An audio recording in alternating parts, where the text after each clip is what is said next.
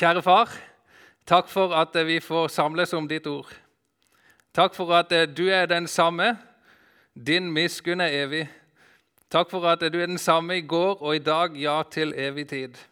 Og Nå ber vi deg om at du må tale til oss, hvert på vårt sted, ifra ditt ord. I Jesu navn. Amen.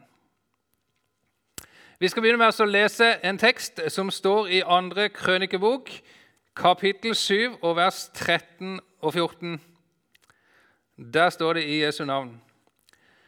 Når jeg lukker himmelen, så det ikke kommer regn, og når jeg befaler gresshoppene å fortære landet, og når jeg sender pest iblant mitt folk, og så mitt folk, som er kalt med mitt navn, ydmyker seg og ber, og søker mitt åsyn og omvender seg fra sine onde veier, da vil jeg høre i himmelen og tilgi deres synd og lege deres land. Slik lyder Herrens ord. Og Jeg tenkte at dette måtte være en interessant tekst å gripe tak i i disse koronatider, som vi har begynt å kalle det. I disse koronatider. I disse koronatider så er alt litt annerledes enn det pleier å være. Det utfordrer oss til å tenke litt nytt. Noen ting savner vi ekstra, noen ting får vi kanskje en ny opplevelse av. Men ganske mange ting blir annerledes, og noen ting blir kanskje annerledes for all framtid.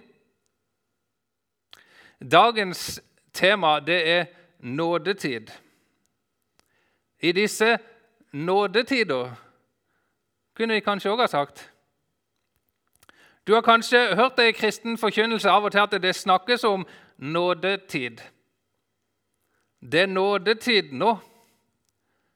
Gud har ikke ennå satt sluttstrek for verdenshistorien. Jesus har ikke kommet igjen enda, Det er nådetid. Du er ikke død enda. Det er nådetid. Du har fremdeles tid til å ta imot Guds nåde, som Han har gitt deg i Jesus Kristus. Du som vandrer dine egne veier og bare er opptatt av denne verdens nytelse. Du må benytte deg av nådetida og omvende deg, tro på Jesus at han døde for dine synder og oppsto til din frelse, det er nådetid. Og det er nådetid nå, og i disse koronatider. Og kanskje er koronatider på en særlig måte òg en nådetid. Jeg måtte denne uka gå gjennom en tale som ble holdt i i eh, USA, i Washington DC, den 3. november i 1918. En pastor som het Francis James Grimke. Og Den 3. november 1918 det var ingen tilfeldig valgt dato. Men det var den datoen der kirken gjenåpna etter å ha vært stengt ned gjennom spanskesyka som herja på den tida. Det var interessant å lese hva denne pastoren talte til sin menighet den dagen kirken åpna opp igjen.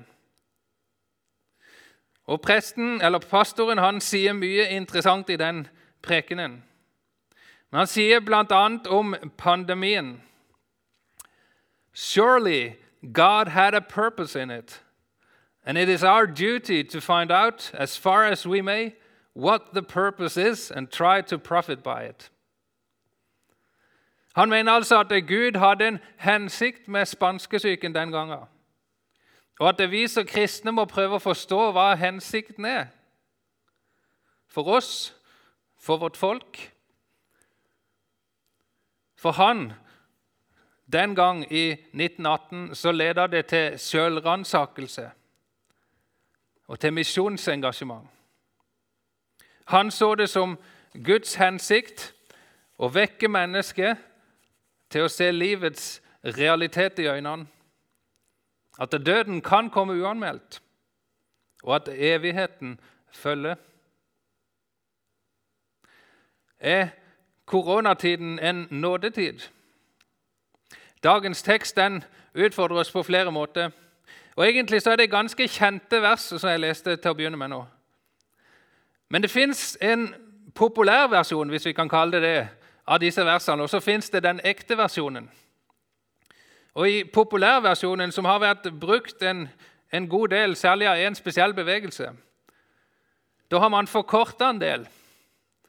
Og så sier en fra 2. Krøniker 7, 13-14 Når mitt folk, som er kalt med mitt navn, ydmyker seg og ber og søker mitt åsyn, da vil jeg høre i himmelen og tilgi deres synd og lege deres land. La du merke til Det gikk litt fortere å lese nå. Og Det høres jo bibelsk og greit ut, egentlig, det som blir sagt. Men det står altså litt mer i den teksten. Gudsbildet blir på en måte litt utvida når vi leser hele teksten. Jeg skal lese den for deg igjen. Når jeg lukker himmelen, så det ikke kommer regn Det er Guds tale her, altså. Og når jeg befaler gresshoppene å fortære landet, og når jeg sender pest iblant mitt folk, og så mitt folk, som er kalt med mitt navn, ydmyker seg og ber og søker mitt åsyn og omvender seg fra sine onde veier, da vil jeg høre i himmelen og tilgi deres synd og lege deres land. Det er to ledd som er plukka ut i denne populærversjonen. Det er Gud som årsak til naturkatastrofene. Og så er det snakk om omvendelse fra våre onde veier, altså omvendelse fra synd. Men i teksten så er det altså nettopp ei kobling mellom synd og naturkatastrofe. Og i bunn og grunn så er det jo alltid det, egentlig. Det er en sentral del av kristen teologi at synd førte til lidelse og død i verden i utgangspunktet. Gud skapte ikke en verden med iboende koronakrise. Men syndefallet Menneskets iboende, menneskets eh, trang til synd, menneskets synd, førte til at Gud la hele skaperverket under forbannelse og forgjengelighet. Derav følger sykdom og regnmangel og gresshoppeinvasjoner og pest og død. Det er ikke alltid god kristen teologi å koble enkelthendelser til enkeltsynder. Jesus han advarer ved noen, anledning, advarer ved noen anledninger direkte mot det. De 18 stykkene som vi leser om i Lukas 13, som ble drept ved at tårnet ved Silo har falt på dem, de var ikke spesielt syndige framfor andre.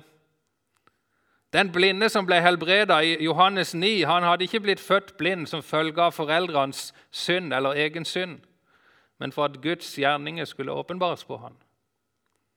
Jesus han advarer mot den direktekoblinga. Samtidig så forteller Bibelen om mange eksempler på at Gud sender ulykke over land og folk nettopp pga. deres synd.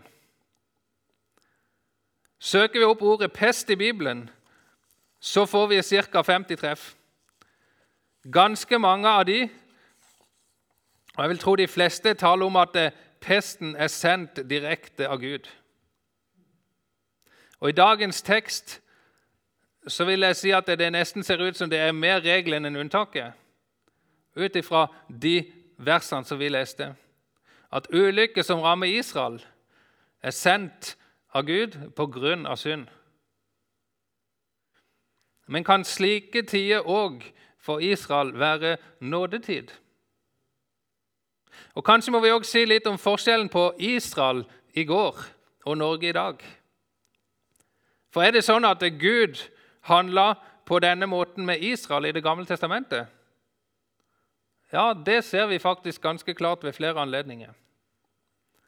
Er det da sånn at Gud handler på den måten med Norge i dag? Jeg ser Det er et litt annet spørsmål. Og Jeg vil ikke påstå for mange sammenhenger på den måten. Men kanskje er vi òg noen ganger litt for kjappe til å avvise det som en mulighet. Gud skapte folkene. Gud ville folkeslagene. I Apostlenes gjerninger 17 lærer vi at Gud satte grenser mellom dem. Langt på vei kan vi se nasjonalstatene som et gudvilla system. Folkeslagene skal òg være representert i himmelen. Det skal være representanter fra alle verdens folkeslag i himmelen. Under tusenårsriket skal representanter fra hvert folk dra opp til Jerusalem og feire løvhyttefesten. Dette med folkeslagene det går igjen gjennom Bibelen og inn i evigheten. Og I Josjafats dal da skal Gud holde rettergang med folkene, står det om flere plasser. Gud har altså en plan for folkene, og han skal dømme folkene som folk, ser det ut som. Nå skal det være sagt at Guds dom over verden, over alle våre synder, den kommer ikke til å komme i form av en influensapandemi. Da Gud sist dømte verden for deres synd, så dekka han jorda med vann og frelste åtte mennesker.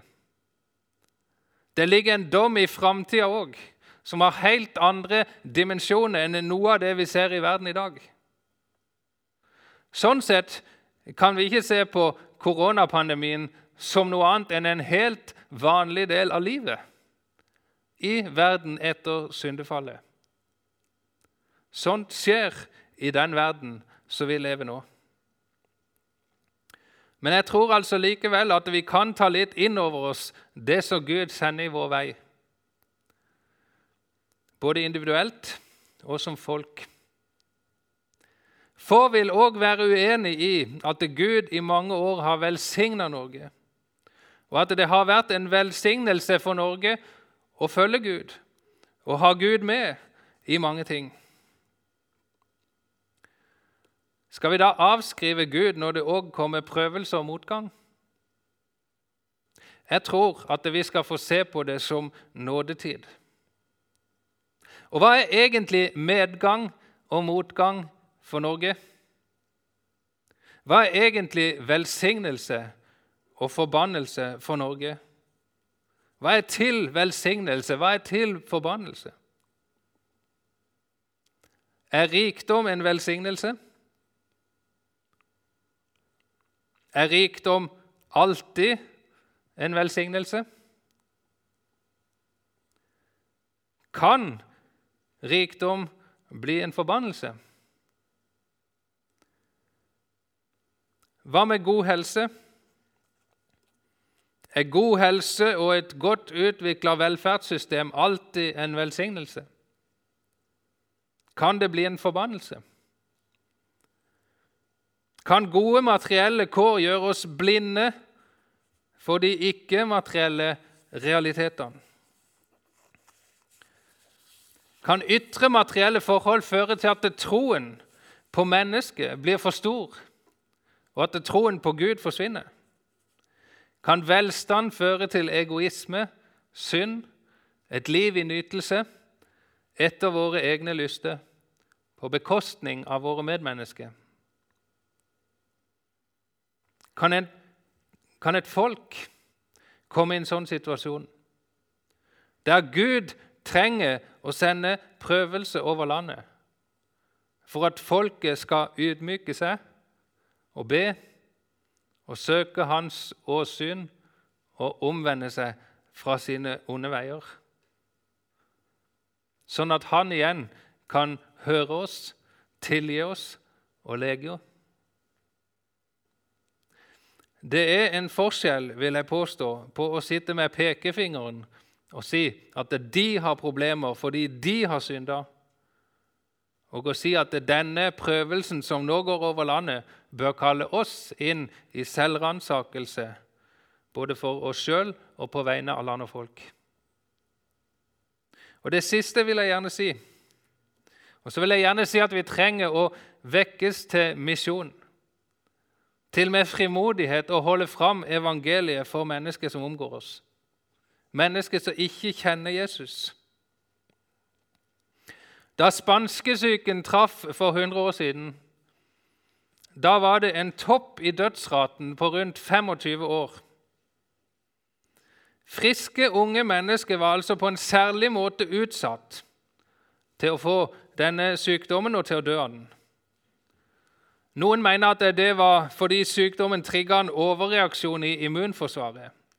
Og med andre ord, Jo sterkere immunforsvar, desto mer trøbbel. Så langt jeg har forstått. Men en sånn pest utfordrer på en helt annen måte enn den vi har i dag. Der 25-åringene er i den største risikogruppa. Men òg den som vi har i dag, koronaen, minner oss om vår dødelighet. Sjøl med all innsatsen som gjøres, så dør mennesker hver dag. Vi teller de, både i Norge og i andre land. Vi er sårbare. Vi er dødelige. Vi er på vei mot evigheten.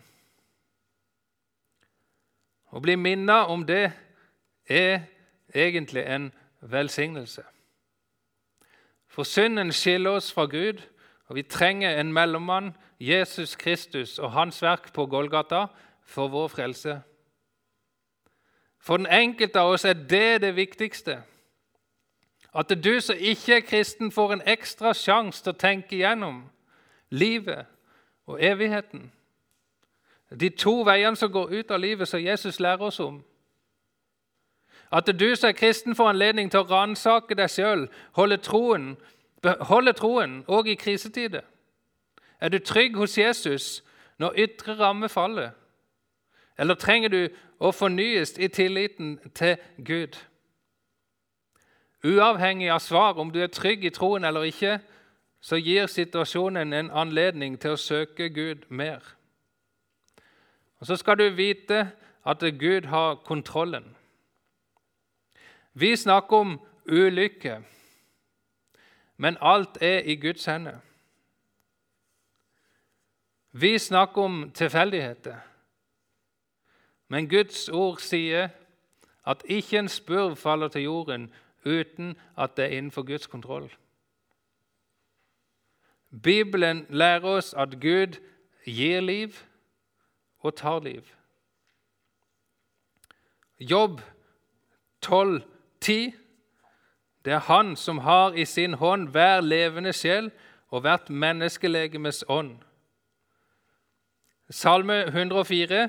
Du skjuler ditt ansikt, de forferdes. Du drar tilbake deres livsånde, de dør og vender tilbake til støv. 1. Samuel 2,6.: Herren tar liv og gir liv. Han fører ned i dødsriket og fører opp derfra. Herren gjør fattig, og han gjør rik. Han nedtrykker, og han opphøyer. Jobb 1,21.: Naken kom jeg fra min mors liv, og naken skal jeg vende tilbake. Herren ga, og Herren tok. Herrens navn være lovet. Gud gir og tar liv, men ikke bare det. Gud har òg en plan for akkurat ditt liv. Salme 90, vers 10 står det vårt livs dager er 70 år, og når styrken er stor, 80 år. Det er et stolthet og strev er tomhet. Er strev og tomhet. Hurtig farer de, vi flyr av sted. Hvem kjenner din vrede styrke og din harme slik frykten for deg krever? Lær oss å telle våre dager, så vi kan få visdom i hjertet. Og Salme 139.: Da jeg bare var et foster, så dine øyne meg. I din bok ble de alle oppskrevet, de dagene som ble fastsatt, da ikke én av dem var kommet. I din bok ble de oppskrevet, de dagene som ble fastsatt da ikke én av dem var kommet. Gud har fastsatt dine dager òg. Våre tider er i hans hender. Korona endrer ikke det minste på det. Pastor Francis James han sier i prekenen etter spanskesyken For some The time of their departure had come.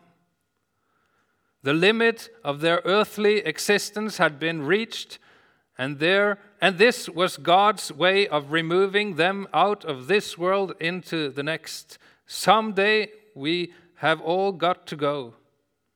But how, or when, or where, we do not know. This is with God alone. For noen hadde tiden for deres avgang kommet. Grensen for deres jordiske liv var nådd. Og dette var Guds måte å flytte dem ut av denne verden og inn i den neste. En dag skal vi alle dra, men hvordan, når og hvor, det vet vi ikke. Bare Gud.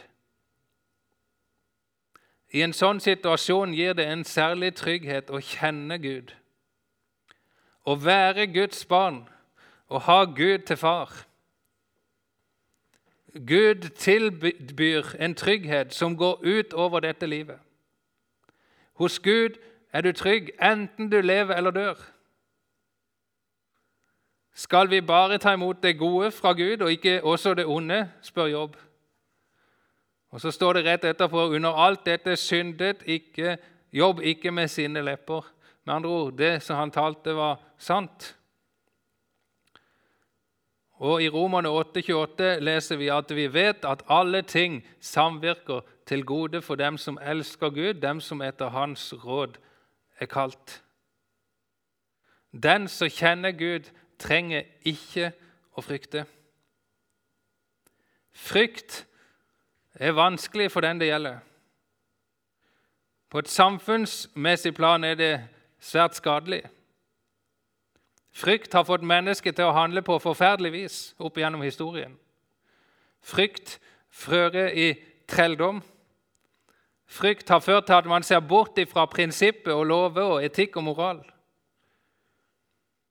Det er bra at vi kan være med på en felles dugnad i koronatida. Men frykt kan føre oss inn i uønska forhold. Derfor er Kirka viktig særlig i denne tida. Å frykte på en sånn måte at du ikke stoler på at alt ligger i Guds hender, det er òg en synd. Å leve i frykt, det er et liv i slaveri. Frykt ikke, sier Guds ord. Å kjenne Jesus, det setter deg fri. Hos Gud er du trygg. Derfor er det viktigste i livet å kjenne Gud. Gud finner du i Jesus. I det som skjedde på det stedet der pesten stoppa opp i Davids liv.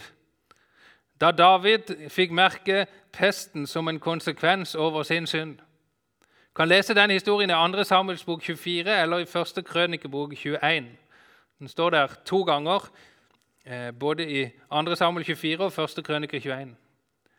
Og Det er en sterk fortelling. David han synder får velge mellom tre konsekvenser som skal treffe Israel. av den grunn.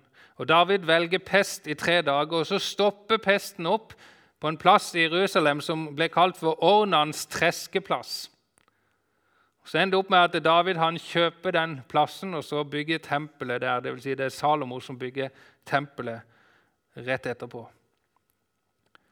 Der Gud stopper opp pesten, der blir tempelet bygga. Og Så har jeg irritert meg litt over en ting der. Og Det hender at jeg irriterer meg litt over ting i Bibelen.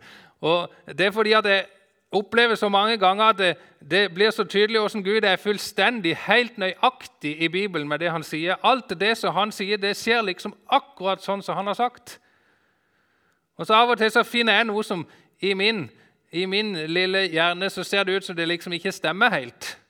Og så blir jeg litt irritert. Og så, og så blir jeg litt irritert over dette her, at det liksom den pesten den stopper opp der hvor tempelet blir bygd. Men så er jo det ikke akkurat den stedet der Jesus døde. For Jesus han døde utenfor bymuren, og tempelet det ligger midt i byen. og Der stoppa pesten opp. Og så hadde jeg tenkt at det var så fint hvis liksom pesten den stoppa akkurat der hvor korset sto. liksom. Men så er det tre steinkast unna. Hvorfor denne her unøyaktigheten, liksom? Men det er jo ikke Gud som er unøyaktig, det er bare meg som ikke har forstått. Jesus han måtte dø utenfor muren. Synden måtte bæres utenfor muren, utenfor byen. I det nye Jerusalem skal bare det rene komme inn. Der skal det settes stopp for pesten. Der skal synden og alle dens konsekvenser utelukkes. I det nye Jerusalem, i himmelen, på den nye jord. Der faktisk det òg skjedde noe på langfredag. Når Jesus døde, så revna forhenget i tempelet, og veien inn til Gud ble åpna. Synden måtte bæres på utsida av muren, fellesskapet ble åpna på innsida. Da Jesus døde for vår skyld, så forårsaka det at veien til Gud ble åpna. Det forårsaka at pesten tok slutt. Korona har sin ende, men veien inn til livet med Gud, den er åpen. Og det livet tar aldri slutt. Om du tar imot Jesus i dag, bekjenner med din munn og i ditt hjerte tror, så blir du i dag født på nytt. Du får et nytt liv. Et liv som aldri tar slutt, men som bare blir uendelig mye bedre den dagen du dør fra ditt jordiske liv. Det gamle livet her på jord, det vil ta slutt. Før eller siden så kommer evigheten. Om du tar imot Jesus i dag, så er det sånn. Og du som har levd hele livet med Gud, vet du at det livet ditt det har bare så vidt begynt. Alt ligger egentlig foran deg. Det kan komme litt korona og diverse ting å forstyrre, men framtida, den er sikra. Så lat da koma hva koma vil, synger vi en sang. Et fullbrakt offer er gitt til soning for ditt gamle liv. Nå finnes bare det nye livet. Du er fri. Den som har Sønnen, har livet. Den som ikke har Guds sønn, har ikke livet. Men enda er det plass i Guds rike. Derfor er nådetida her nå. Derfor er òg denne koronatida en nådetid. Fordi Gud kaller til omvendelse. Fordi han inviterer mennesket til å bli kjent med seg. Fordi vårt oppdrag står ved lag om å dele evangeliet. Helt til slutt. Vårt livs dager er 70 år, leste vi. Og når styrken er stor, 80 år. Det er stolthet, er strev og tomhet. Hurtig farer de, vi flyr av sted. Hvem kjenner din vrede styrke og din harme slik frykten for deg krever? Lær oss å telle våre dager, så vi kan få visdom i hjertet. Det er nådetid. Mennesket bruker gjerne visdommen sin til å prøve å gjøre seg udødelig. Men visdommen får vi, sier denne salma, ved å innse vår dødelighet. Og Koronapandemien hjelper oss med det. I dag er det nådetid. Hva som kommer i morgen, vet bare Gud. Men måtte du gå inn i morgendagen som et Guds barn. Amen.